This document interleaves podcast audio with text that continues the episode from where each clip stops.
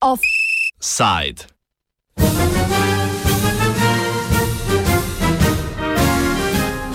Sedemsto osemdeset milijonov razlogov proti.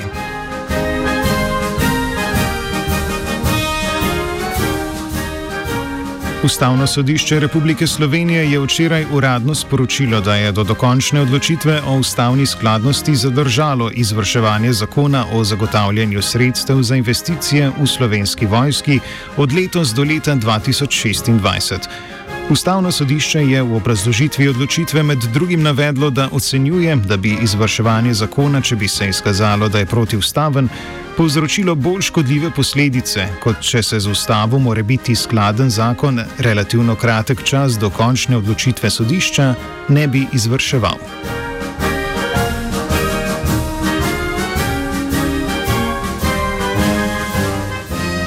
Državni zbor je sicer zakon, ki do leta 2026 predvideva skupaj za kar 780 milijonov evrov vojaških naložb, sprejel v drugi polovici novembra.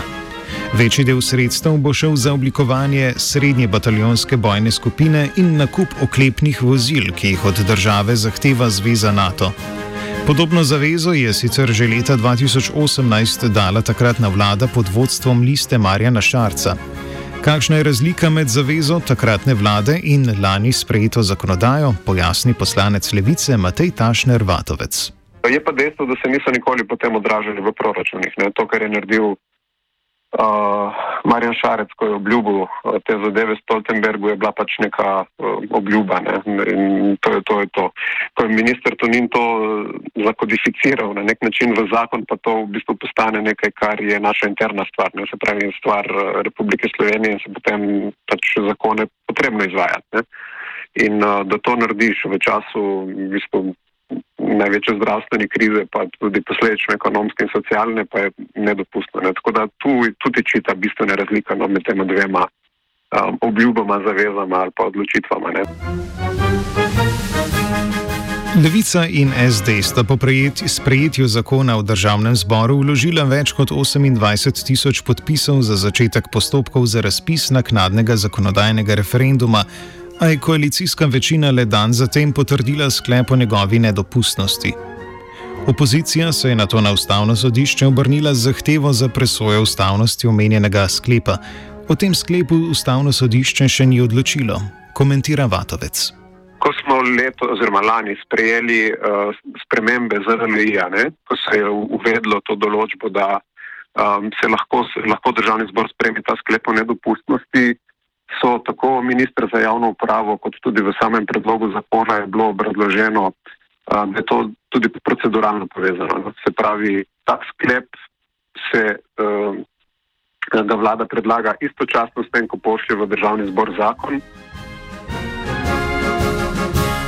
Koordinator levice Luka Mesec je pozneje vložil še zahtevo za presojo ustavnosti samega zakona. Obenem je ustavnemu sodišču predlagal naj do dokončne odločitve zadrži izvrševanje zakona, kar je to z odločitvijo tudi storilo.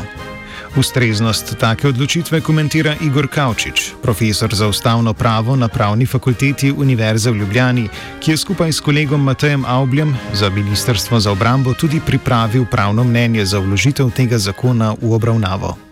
Zakon o, o financiranju v slovensko vojsko ustreza pogojem, ki jih določa ustava. Ustava pa določa tri pogoje in sicer, da gre za zakon, da gre za zakon o nujnih ukrepih na področju obrambe in da je nujnost podana v samem časovnem vidiku.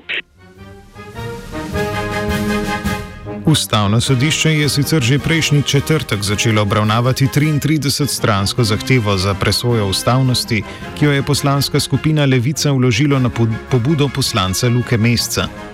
Zakon naj bi bil v nasprotju z določbami 3., 44. in 90. člena uprave. Pa poglejmo na hitro te tri člene.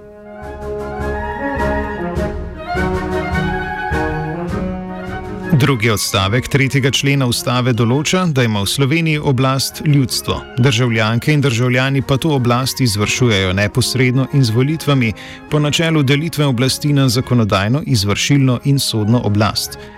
44. člen ustave določa, da ima vsak državljan pravico, da v skladu z zakonom neposredno ali po izvoljenih predstavnikih sodeluje pri upravljanju javnih zadev. Prva alineja drugega odstavka 90. člena ustave pa določa, da referenduma ni dopustno razpisati o zakonih o nujnih ukrepih za zagotovitev obrambe države, varnosti ali odprave posledic naravnih nesreč. Kavčič izpostavlja, da bo ustavno sodišče zahtevo najverjetneje presojalo po 90. členu. Kdorkoli pred ustavnim sodiščem napada neko odločitev, vedno se opre na te tri stebre. Tako da z tega vidika bo ustavno sodišče moralo presojati, ampak jaz mislim, da dva stebra nista tukaj poglavitna, to sta tretja, eh, tretji člen in 44. člen, temveč da bo ustavno sodišče odločitev utemeljilo na drugem odstavku 90. člena ustave. Ustavno sodišče je sprejelo sklep s šestimi glasovi proti trem. Proti so glasovali sodnica Dunja Jadek Pensa ter sodnika Kleman Jaklič in Marko Šorli. Sodnik Jaklič je dal odklonilno ločeno mnenje, v katerem je med drugim izpostavil, da je očitna potreba po pravni podlagi za dolgoročno načrtovanje investicij na obramnem področju, saj je slovenska vojska, citiramo, zaradi specifičnosti trga v razmerah kronične podhranjenosti. V primeru zadržanja izvajanja zakona država tako ne more izpolnjevati svoje ustavno zapovedane dožnosti učinkovitega zagotavljanja varnosti. Konec citata.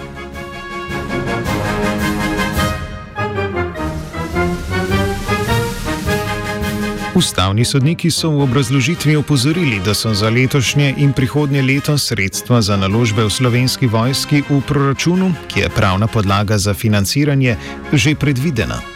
Investicije načrtovane za ti dve leti se bodo tako lahko izvajale.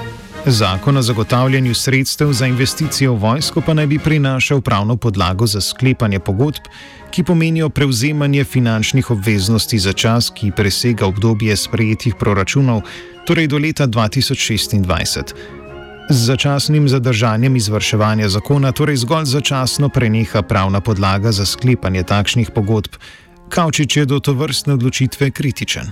Vsebinske odločitve še ni ampak je ustavno sodišče sprejelo predhodno sklep, da se zakon po domače reče zamrzne, torej da se izvrševanja tega zakona začasno prekine. Torej, za razliko od drugih zakonov, ker gre za eh, nekaj mesecev odložitve, imamo tukaj primer, ko treba zelo hitro ukrepati. Z tega vidika, ko bi moralo sodišče v tem tednu odločiti, ne pa sprejemati predhodne začasne odredbe, s katero zadrži izvrševanje in si pustiti čas za eh, sprejem te odločitve, kar zakon ne podpira. Po mojem mnenju je ustavno sodišče preprosto spregledalo, da tukaj ta začasna odredba sploh ne pride poštev, temveč mora v roku 30 dneh sprejeti končno odločitev. Po drugi strani bi v primeru, da bi se zakon že izvrševal, potem pa bi se izkazalo, da je bil sprejet po protiustavnem postopku in bi ga ustavno sodišče razveljavilo, lahko nastale težko popravljive škodljive posledice. Opremljanje slovenske vojske na podlagi pogodb, ki bi temeljile na protiustavnem predpisu, bi namreč negativno vplivali na verodostojnost in legitimnost nabav vojaške opreme. Poleg tega bi bila v opisanem primeru, po mnenju sodnikov, citiramo, izigrana oziroma onemogočena pravica voljivcev glasovati na referendumu. Konec citata. Kavčič pojasni pravno in postopkovno podlago, iz katere je izhajal državni zbor v svoji odločitvi o prepovedi referenduma za tako imenovane nujne ukrepe, kakršen je zakon o zagotavljanju sredstev vojske. Ta postopek, ki ga je na podlagi ustave lani uredil zakon o referendumu in ljudski inicijativi, skratka, lani zaradi te krize, zdravstvene krize, je vendarle državni zbor ta zakon sprijel In v tem zakonu je posebej urejen postopek prav za primere, ko gre za eh, zakone o nujnih ukrepih na področju varnosti, obrambe in elementarnih nesreč, kjer referendum ni dopusten. Torej, pravna podlaga je torej ustava, eh, postopkovna podlaga pa je ta lani spred zakon. In na podlagi tega zakona je državni zbor sprejel sklep, da referenduma ni dopustno razpisati. Ustavni sodniki so sicer v obrazložitvi ugotovili še, da vlada ni natančno utemeljila oziroma konkretizirala, kateri so ključni projekti, ki se zaradi relativno kratkega zadržanja izvrševanja zakona ne bi mogli začeti in kakšne škodljive posledice bi zaradi tega nastale. Med drugim ni utemeljila, zakaj bi se ob že sprejetih proračunih leti, za leti 2021 in 2022 ustavile načrtovane investicije v celovito posodobitev vojaških strelišč Bače in Napače ter prenova vojašnic v Ljubljani in Mariboru.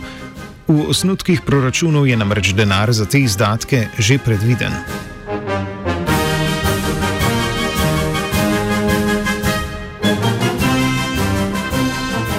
Na Ministrstvu za obrambo so odločitev ustavnega sodišča označili za nesorazmerno. Saj bo zadrževanje izvajanja zakona imelo že v tem mesecu povsem konkretne posledice. Mors bo prisiljen zaustaviti proces nabave novega transportnega letala, v katerem naj bi bili postopki v sklepni fazi. Ob tem so izrazili pričakovanje, da bo ustavno sodišče o dopustnosti referenduma dokončno odločilo brez odlašanja v čim krajšem možnem roku.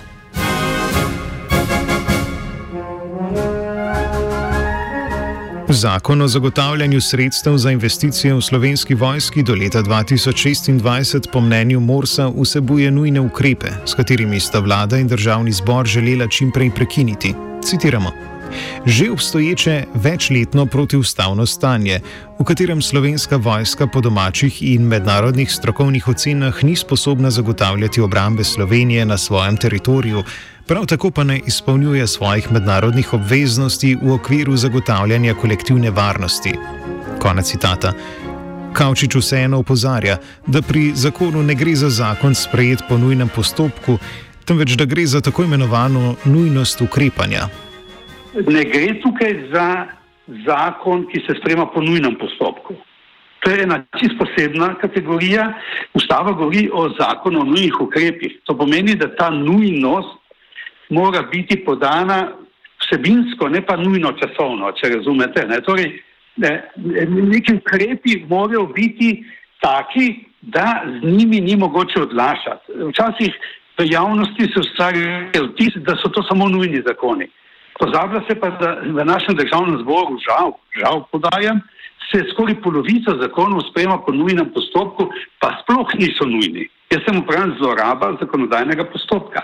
Zato pravim, da je treba, eh, in to bo moralo seveda ustavno sodišče premisliti, preučiti, eh, ali vendarle tu obstaja neka nujnost. Ne? Predlagatelji presoje ustavnosti sprejeto zadržanje izvajanja zakona pozdravljajo. Pričakujejo pa tudi, da bo ustavno sodišče zavrglo tako sklep o prepovedi referenduma kot nujnost sprejetja zakonodaje, prispevek zaključuje Vatovec.